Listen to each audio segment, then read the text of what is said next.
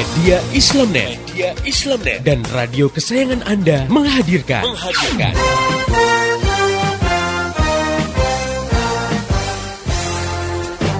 Voice of Islam. Voice of Islam. Voice of Islam.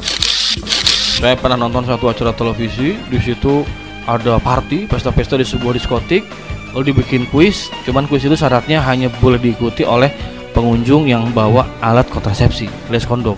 Ternyata banyak yang bawa. Paling datang itu anak muda semua gitu kan. Kita ditanya, "Kenapa kamu bawa?" Loh, kita kan nggak tahu apa yang terjadi setelah ini. Wow, jadi kan sudah sudah sedia payung sebelum hujan gitu ya. Sedia kondom sebelum berzina. Astagfirullahaladzim ya. Kenapa kok seperti terjadi? Karena satu, karena kita sudah hidup di alam sekuler. Hidup dengan landasan memisahkan agama dari kehidupan. Jadi agama udah nggak dipandang.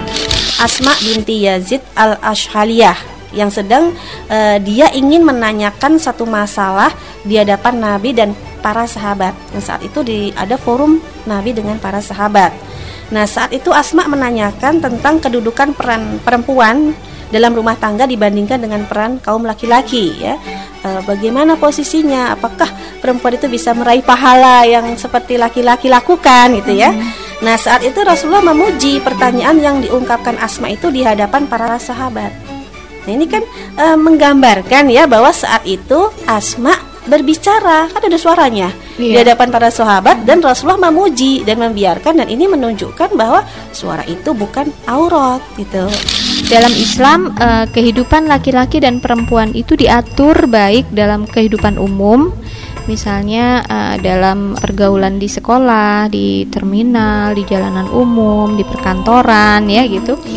Dan uh, juga di dalam kehidupan khusus di dalam rumah. Jadi memang Islam sudah memberikan batasan-batasan uh, di mana laki-laki dan perempuan itu di dalam bergaul, berkomunikasi itu memiliki aturan-aturan tertentu.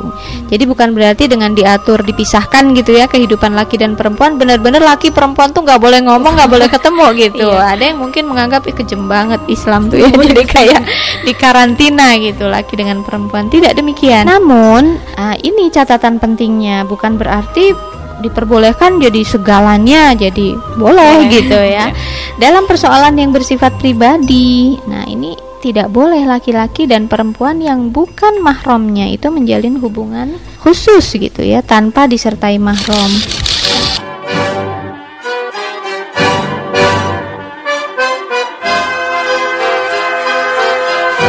Voice of Islam. Voice of Islam. Voice of Islam.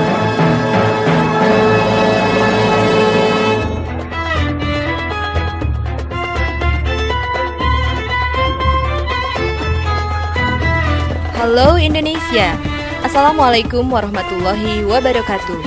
Jumpa dengan saya Arini Aulia dalam program Voice of Islam.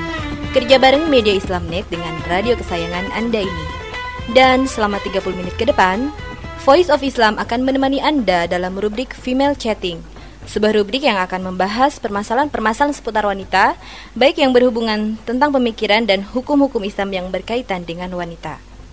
Pendengar yang budiman, di studio telah hadir Ustazah Insinyur Nani Wijayati yang akan mengasuh rubrik Female Chatting ini. Beliau adalah wakil pemimpin redaksi majalah Female Readers. Baik, kita sapa dulu beliau. Assalamualaikum warahmatullahi wabarakatuh, Ustazah. Waalaikumsalam warahmatullahi wabarakatuh. Apa kabar, Mbak? Alhamdulillah baik. Mbak gimana kabarnya? Alhamdulillah baik. Dan kali ini kita kehadiran tamu yaitu Mbak Emita Tamrin dari Badan Pengawasan Obat dan Makanan Jakarta. Assalamualaikum warahmatullahi wabarakatuh, Mbak. Waalaikumsalam warahmatullahi wabarakatuh. Bagaimana nih kabarnya hari ini? Alhamdulillah baik. Pendengar yang budiman, kosmetik sekarang ini sudah menjadi kebutuhan pokok alias wajib bagi para muslimah. Tapi masalahnya dengan kondisi ekonomi di Indonesia yang membuat perekonomian masyarakat menjadi rendah, membuat masyarakat lebih memilih untuk mengkonsumsi produk-produk yang murah. Nah, tidak banyak orang tahu ternyata dalam kosmetik juga mengandung bahan yang haram. Dalam hal ini misalnya adalah babi.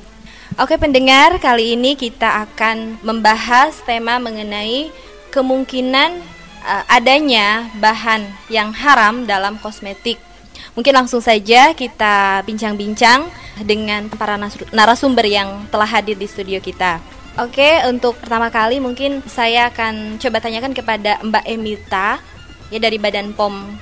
Nah, e, terus terang Mbak, mungkin kalau bahan-bahan yang haram di dalam makanan itu udah biasa. Nah, sekarang saya sangat kaget juga gitu ya, ternyata ada bahan yang haram tadi disebut ada babi gitu di dalam kosmetik.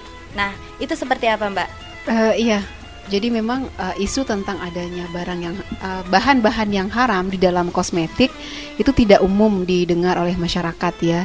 Karena informasi yang ada di tengah-tengah masyarakat juga uh, mungkin dari sisi labelnya gitu ya. Kalau dalam produk makanan kan ada label kita bisa baca komposisi. Yeah. Kalau pada kosmetik itu sering kali tidak dicantumkan komposisi yang jelas dan detail. Misalkan dia mengandung katakanlah mengandung uh, kolagen, kolagen dari apa misalkan. Kalau untuk produk makanan misalkan lecitin, lecitin sapi, lecitin babi atau lecitin kedelai misalnya itu iya. jelas gitu. Ini kalau ini kolagen kolagen dari mana misalkan.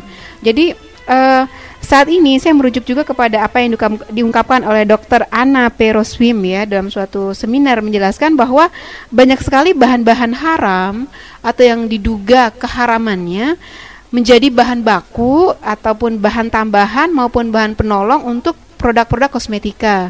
Katakanlah bisa berupa asam lemak ya yang berasal dari hewan atau juga bisa bisa berupa kolagen, enzim uh, dan hormon ya yang saat ini sedang tren digunakan oleh di berbagai jenis kosmetika dan juga uh, barang-barang uh, itu juga bisa berupa bagian dari plasenta manusia begitu.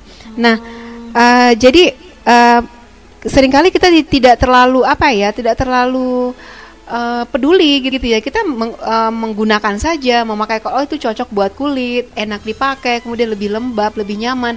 Ya muslimah menggunakan saja gitu tanpa hmm. kita uh, tahu secara lebih detail gitu ya atau tahu lebih dalam ini sebenarnya plasenta plasenta apa maksudnya? Kan ada kalau nggak salah ada produk pla, uh, placenton ya kalau nggak salah itu juga ada. Kemudian kolagen gitu. Yeah. nah ini kan sangat rentan uh, diproduksi dari hewan atau mungkin bagian dari hewan yang um, saya pikir kalau babi itu adalah hewan yang produksinya itu cepat, kemudian murah itu udah umum diketahui oleh masyarakat ya. Hmm. Jadi produsen atau mungkin pabrik-pabrik kosmetik apalagi dari sisi kualitas dia cukup bagus gitu. Maka pilihan terhadap babi baik dalam produk makanan apalagi kosmetika itu sangat besar kemungkinannya gitu. Hmm. Nah, Mbak, menurut Mbak sendiri uh, kenapa sih kok bisa gitu ya dalam kosmetik itu mengandung babi? Uh, iya baik. Um, tadi saya sudah singgung sedikit sebenarnya di atas ya bahwa uh, kosmetik adalah produk dari suatu industri atau, perusahaan atau industri kita gitu, manufacture. Nah dalam hal ini kalau produk industri pasti tujuannya profit ya keuntungan. Um, dalam masalah keuntungan apa saja bisa dilakukan apalagi kalau kita melihat produk itu berasal dari luar ya sering uh, saat ini banyak sekali produk kosmetik dari uh, Swedia misalnya kata mungkin dari uh, dari Prancis gitu ya hmm. kemudian dari Amerika, dari Cina gitu itu masuk ke dunia kosmetik Indonesia. Nah, satu hal mungkin yang juga saya beritahukan di sini bahwa saat ini Indonesia sedang masuk dalam program harmonisasi ASEAN untuk kosmetika. Artinya produk kosmetika uh, di negara ASEAN itu bisa saling masuk antar satu negara dengan negara lain tanpa bea gitu. Jadi harganya pun akan lebih murah gitu. Jadi kenapa kita beli mungkin Shinzui itu produk Cina ya, itu yeah. murah gitu padahal cukup wangi. Kayaknya kita menggunakannya juga lebih gimana gitu bagi uh -huh. yang menggunakan gitu ya. Yeah. Nah, uh, satu saat nanti itu akan seperti itu karena asumsinya adalah bahwa uh, negara ASEAN adalah negara yang uh, tropis. Jadi kemungkinan iklim, cuaca itu hampir-hampir sama. Jadi pengguna uh, dari Indonesia dengan Malaysia itu hampir-hampir sama gitu. Jenis kulitnya, kemudian uh, tingkat keterterimaan terhadap kosmetik tersebut dibanding dari Eropa misalkan.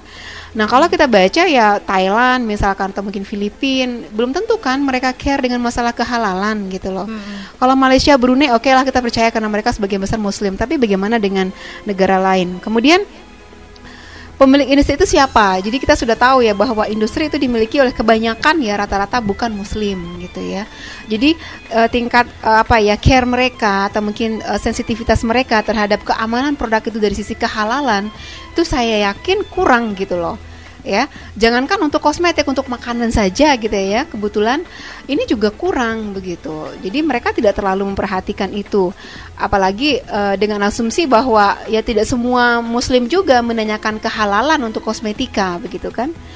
Kemudian yang ketiga ya uh, hal lain juga yang mesti uh, kita perhatikan bahwa uh, saat ini kondisi masyarakat kita bahwa apakah masyarakat kita aware atau mungkin sadar terhadap hal ini? Ya ternyata uh, kesadaran itu masih sangat rendah gitu ya. Uh, ketika dicium baunya wangi, kemudian ketika digunakan enak dipakai, kemudian lebih lentur, lebih lembab, lebih uh, kemudian lebih membuat menjadi lebih putih, cepat iya. misalkan, ya sudah gunakan hmm. saja gitu. Jadi masih rendah gitu tingkat uh, apa namanya kesadaran daripada masyarakat terhadap produk kosmetika ini. Uh, mungkin selanjutnya kepada Mbak Nani, bisa tidak diberikan contoh-contoh atau nama zat gitu ya, jenis zat dan alat kosmetik yang dalamnya itu mengandung komponen babi tersebut? Mbak Arini, Mbak Mita dan pendengar yang budiman, tadi Mbak Emita sudah menjelaskan ya beberapa zat yang kemungkinan diduga yeah. besar berasal dari uh, babi, misalnya adalah kolagen, kemudian asam lemak ya kemudian enzim, hormon dan lain-lain. Nah, uh, di dalam uh, majalah Female Readers, majalah FR di edisi ke-9 itu kebetulan kita bahas di rubrik hmm. halal. Nah, yeah. itu tentang uh, kosmetik dan obat-obatan halal gitu ya. Hmm. Nah, uh, di situ bisa uh, mungkin dibaca oleh para pembaca female readers, tapi salah satu contoh yang kita angkat adalah Salah satunya adalah teknologi botok uh, teknologi botox yang uh, saat ini sedang ngetren gitu iya. untuk menghilangkan kalau wanita tuh kerut-kerut yang sudah mulai muncul menua, gitu ya, menua ya, iya. Ya. Nah, itu dibuatnya adalah dari racun bakteri Clostridium botulinum. Hanya ketika disuntikkan ke tubuh manusia itu dia memerlukan pelarut. Nah, pelarutnya ini biasanya adalah dari plasenta manusia atau hewan. Dan hewan itu bisa apa saja, termasuk di antaranya adalah babi. Nah, artinya kan kalaupun itu plasenta manusia, itu asalnya berarti kebanyakan informasinya adalah dari aborsi bayi-bayi. Itu kan bangkai. Hmm. Nah, sementara kalau itu babi, itu jelas haram, najis hmm. gitu. Bagaimana uh, teknologi kecantikan itu telah mempergunakan hal-hal yang sudah diharamkan nah, ke dalam yang sebenarnya zat yang semula halal gitu kan. Hmm. Ini salah satu contohnya. Kemudian kemarin saya dapat informasi dari teman yang juga bekerja di Badan POM hmm. bahwa luar biasanya babi itu mulai dari dagingnya, lemaknya, kemudian minyaknya sampai rambutnya itu kalau diproduksi gitu hmm. ya menjadi sesuatu yang dimanfaatkan dalam berbagai produk itu kualitasnya paling bagus Salah satu dia katakan contohnya adalah saput untuk blush on untuk sapu-sapu itu ya. Uh, sapu oh. blush on itu yang kualitasnya terbaik itu adalah dari bulu babi. Nah, bayangkan kita nggak pernah bayangkan justru kalau tadi yeah. bilang yang produknya murah itu belum tentu juga justru yang produk mahal kita juga curiga oh, kualitasnya iya, iya, itu mbak. justru ternyata dari babi. Saya kira mungkin itu beberapa contohnya Mbak Arini. Hmm. Nah, eh, kita berbicara soal masalah dalil hmm. gitu ya Mbak. Hmm kalau orang awam kan berpendapat mungkin kan kalau babi kan nggak dimakan. Nah, berarti ini seperti apa? Dalil apa sih yang mendasari hmm. uh, tentang keharaman babi dalam kosmetik ini? Iya. Uh, betul, kalau uh, ayat yang berkaitan langsung dengan pengharaman babi itu insya Allah mungkin kalau para muslimah yang biasa ngaji Al-Quran itu tahu lah ya iya. Insya Allah itu di surat uh, Al-Ma'idah ayat 3 Itu disebutkan A'udzubillahi minasyaitonirrajim Hurrimat alaikumul maitata waddama walahmal hinzir Diharamkan atas kalian itu bangkai, darah, dan babi. Ketika diharamkan babi, itu berarti menimbulkan hal-hal yang buruk sebenarnya untuk manusia. Kalau kita katakan loh buktinya ternyata memang bisa dipakai untuk lebih cantik misalnya. Tetapi bahaya di luar itu kita nggak tahu kan? Iya. Nah, itu seperti itu. Jadi eh, dalilnya adalah memang apa yang diharamkan, termasuk di antaranya babi nih, itu najis, tidak boleh diperkenakan. Dan memang ini eh, perbedaan pendapatnya adalah seputar masalah darurat. Nah, darurat itu kalau dalam fikih justru adalah untuk makan. Nah, kalau kita pakai kosmetik sebenarnya itu darurat bukan? Enggak. Enggak ya, iya. darurat itu ukurannya adalah kalau nggak makan mati dia. Iya. Kalau ada daging babi ya terpaksa dia harus makan itu, nggak masalah, itu dimaafkan. Iya. Tapi kalau memakai saput dari bulu babi itu darurat nggak? Enggak. Enggak, jadi kita nggak bisa pakai dalil alasan darurat untuk membolehkan penggunaannya. Toh itu nggak dimakan misalnya gitu tuh nggak bisa dibenarkan dalam agama, gitu. Jadi alat-alatnya juga haram gitu Mbak ya Betul. digunakan. Oke pendengar, sangat menarik ya pembahasan kita kali ini. Tapi jangan ke mana-mana dulu, karena saya Arini Aulia dan Ustazah Insinyur Nani Wijayati dan juga Mbak Emita Tamrin masih akan kembali setelah satu selingan berikut ini. Tetap stay tune di Voice of Islam. Wahai saudara, kita semua ingin dikasihi dan disayangi. Kerana itulah fitrah manusia sejak kita dilahirkan hingga akhir nanti. Wahai saudara, kita semua ingin dikasihi dan disayangi. Kerana itulah manusia sejak kita dilahirkan hingga akhir nanti. Kasihilah, sayangilah, suburkan ia di hati kita. Jagalah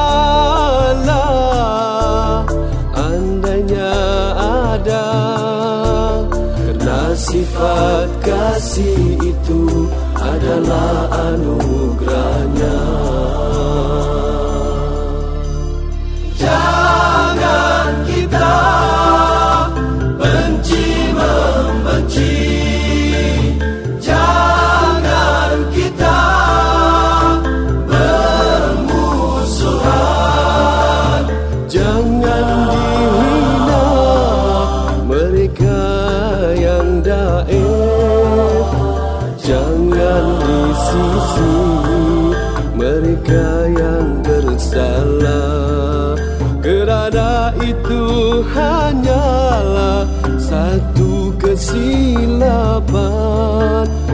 Kerana itu hanyalah satu kekurangan.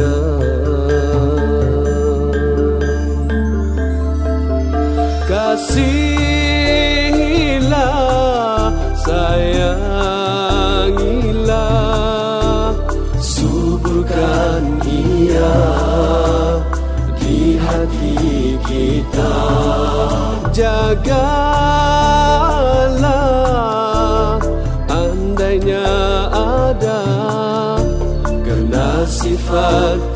kasih itu adalah anugerahnya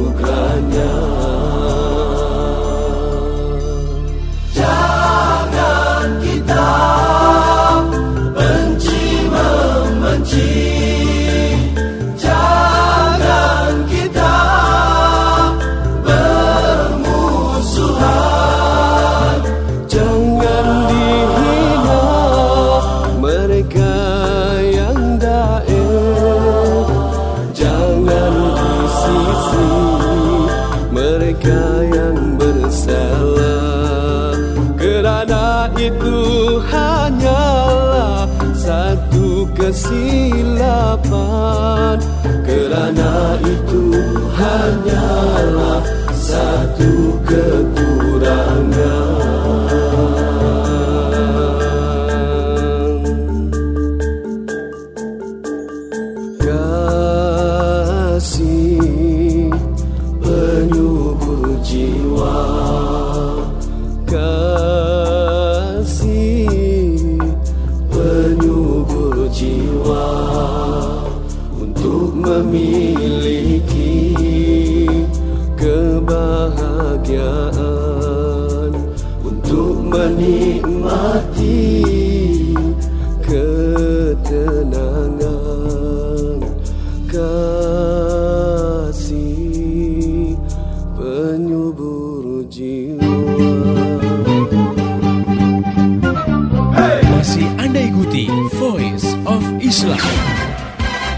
Persembahan media Islamnet dan radio kesayangan Anda ini. Voice of Islam. Voice of Islam. Voice of Islam.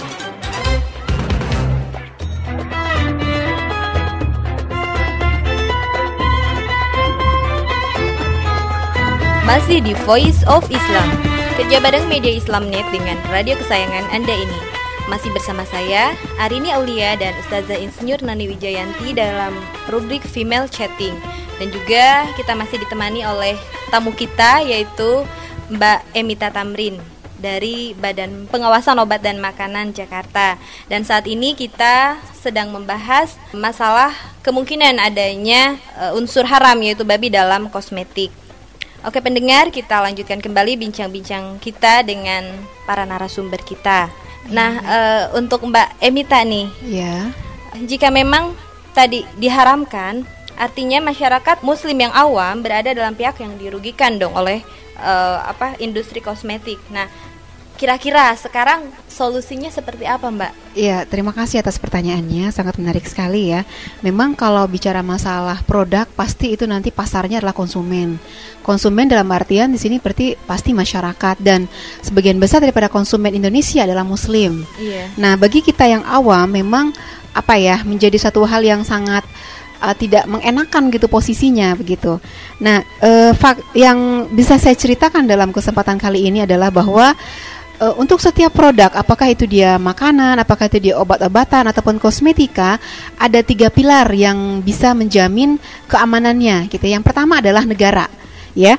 Jadi negara dalam hal ini eh, diwakili, kalau Indonesia diwakili oleh Badan Pengawas Obat dan Makanan, itu bertanggung jawab penuh terhadap keamanan dan kalau bisa gitu ya kehalalan produk yang beredar gitu ya di Indonesia terutama dari sisi makanan tadi ya saya sebutkan obat-obatan dan kosmetika.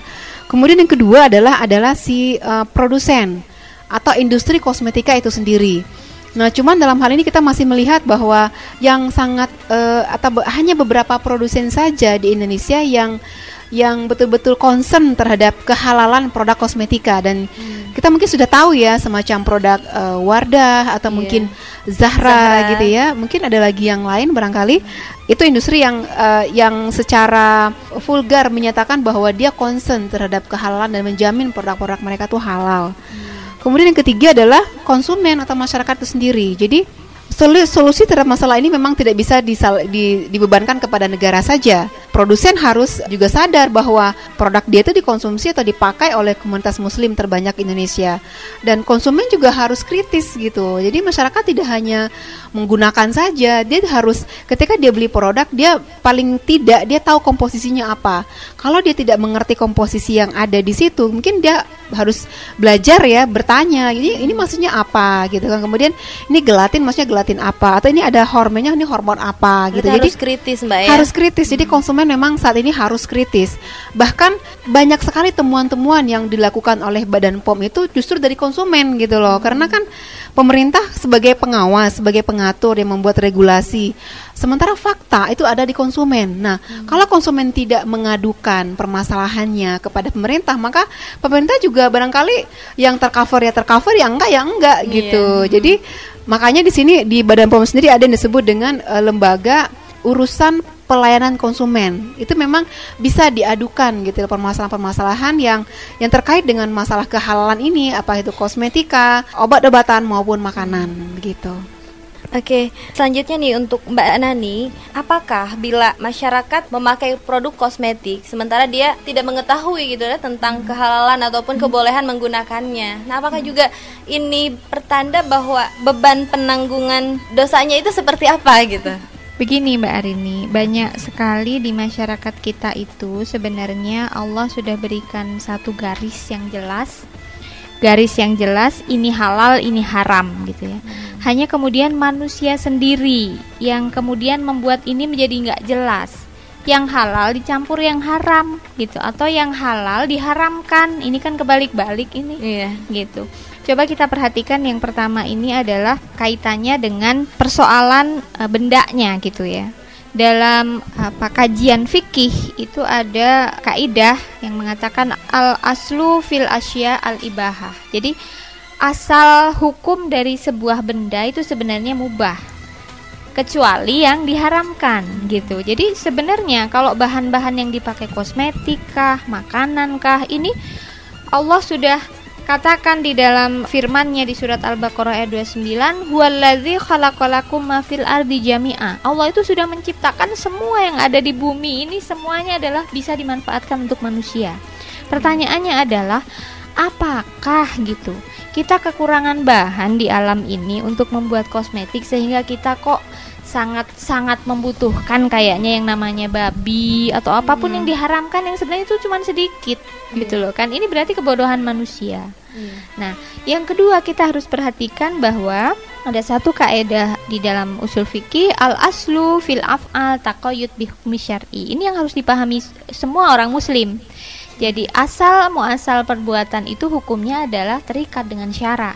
Hmm. Nah, kalau hukum syara sudah mengatakan bahan ini haram, ya sudah berarti itu pegangannya kita tidak boleh mempergunakannya. Hmm. Nah, berarti barang siapa yang mempergunakan emas, pasti dia akan terkena dosanya Dosa, iya. gitu, terkena dosanya. Nah, ini kan akhirnya uh, betul yang dikatakan tadi masyarakat awam yang nggak tahu itu akhirnya dengan teknologi ya kalau dulu kan orang itu mempertanyakan apakah babi itu haram atau halal apakah hewan ini tuh yang kelihatan gitu ya yeah. nah ini kan dalam proses industri atau teknologi banyak masyarakat yang nggak tahu bagaimana pengolahannya mm. gitu nah maka menurut saya itu pentingnya ada penguasa, ada pengusaha, dan ada masyarakat yang mereka itu peduli terhadap halal haram. Jadi tiga-tiganya harus ada ini supaya nggak banyak lagi rombongan orang-orang yang berdosa gara-gara yeah. dia tidak tahu ilmunya. Nah, artinya berarti uh, apakah berdosa atau tidak orang itu? Ya tadi sudah dijelaskan. Sebelum kita menggunakan, kita harus waspada. Kita pastikan dulu ini halal atau haram. Ketika sudah pasti halal, maka dia akan aman.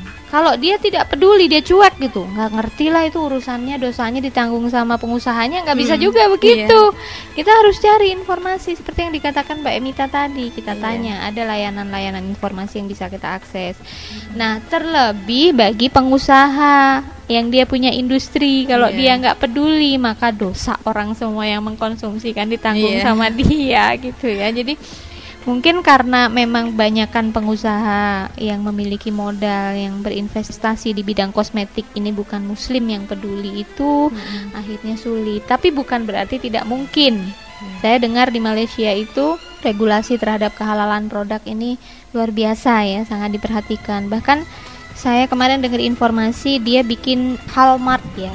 Jadi uh, semacam hipermarket franchise mm-hmm. dia akan buka 60 di Eropa. Nah, itu kan bagus mm. itu semangat halalnya gitu yeah, ditiru yeah. oleh kita, oleh pelaku-pelaku industri di negeri kita. Saya kira gitu Mbak Arin. Ya kalau tadi mendengar penjelasan Mbak berarti ya semua adalah pilihan gitu kan apakah dia mau menggunakan ataupun tidak. Nah, sekarang berbicara masalah pilihan, pasti ketika menentukan sesuatu ada resiko yang akan diperoleh gitu ya. Nah, apa sih Mbak resikonya ketika menggunakan bahan-bahan yang mengandung babi tadi? Baik, saya kira kalau kita semua muslim itu ditanya, "Ibu, ini saya punya air liur anjing, saya sudah tampung setengah liter. Ibu mau nggak saya lumurin? Ini bisa menyehatkan kulit." Kira-kira geleng kepala atau mengangguk? Sekalipun tuh menggeleng, nah, menggeleng gitu karena jelas informasinya. Iya.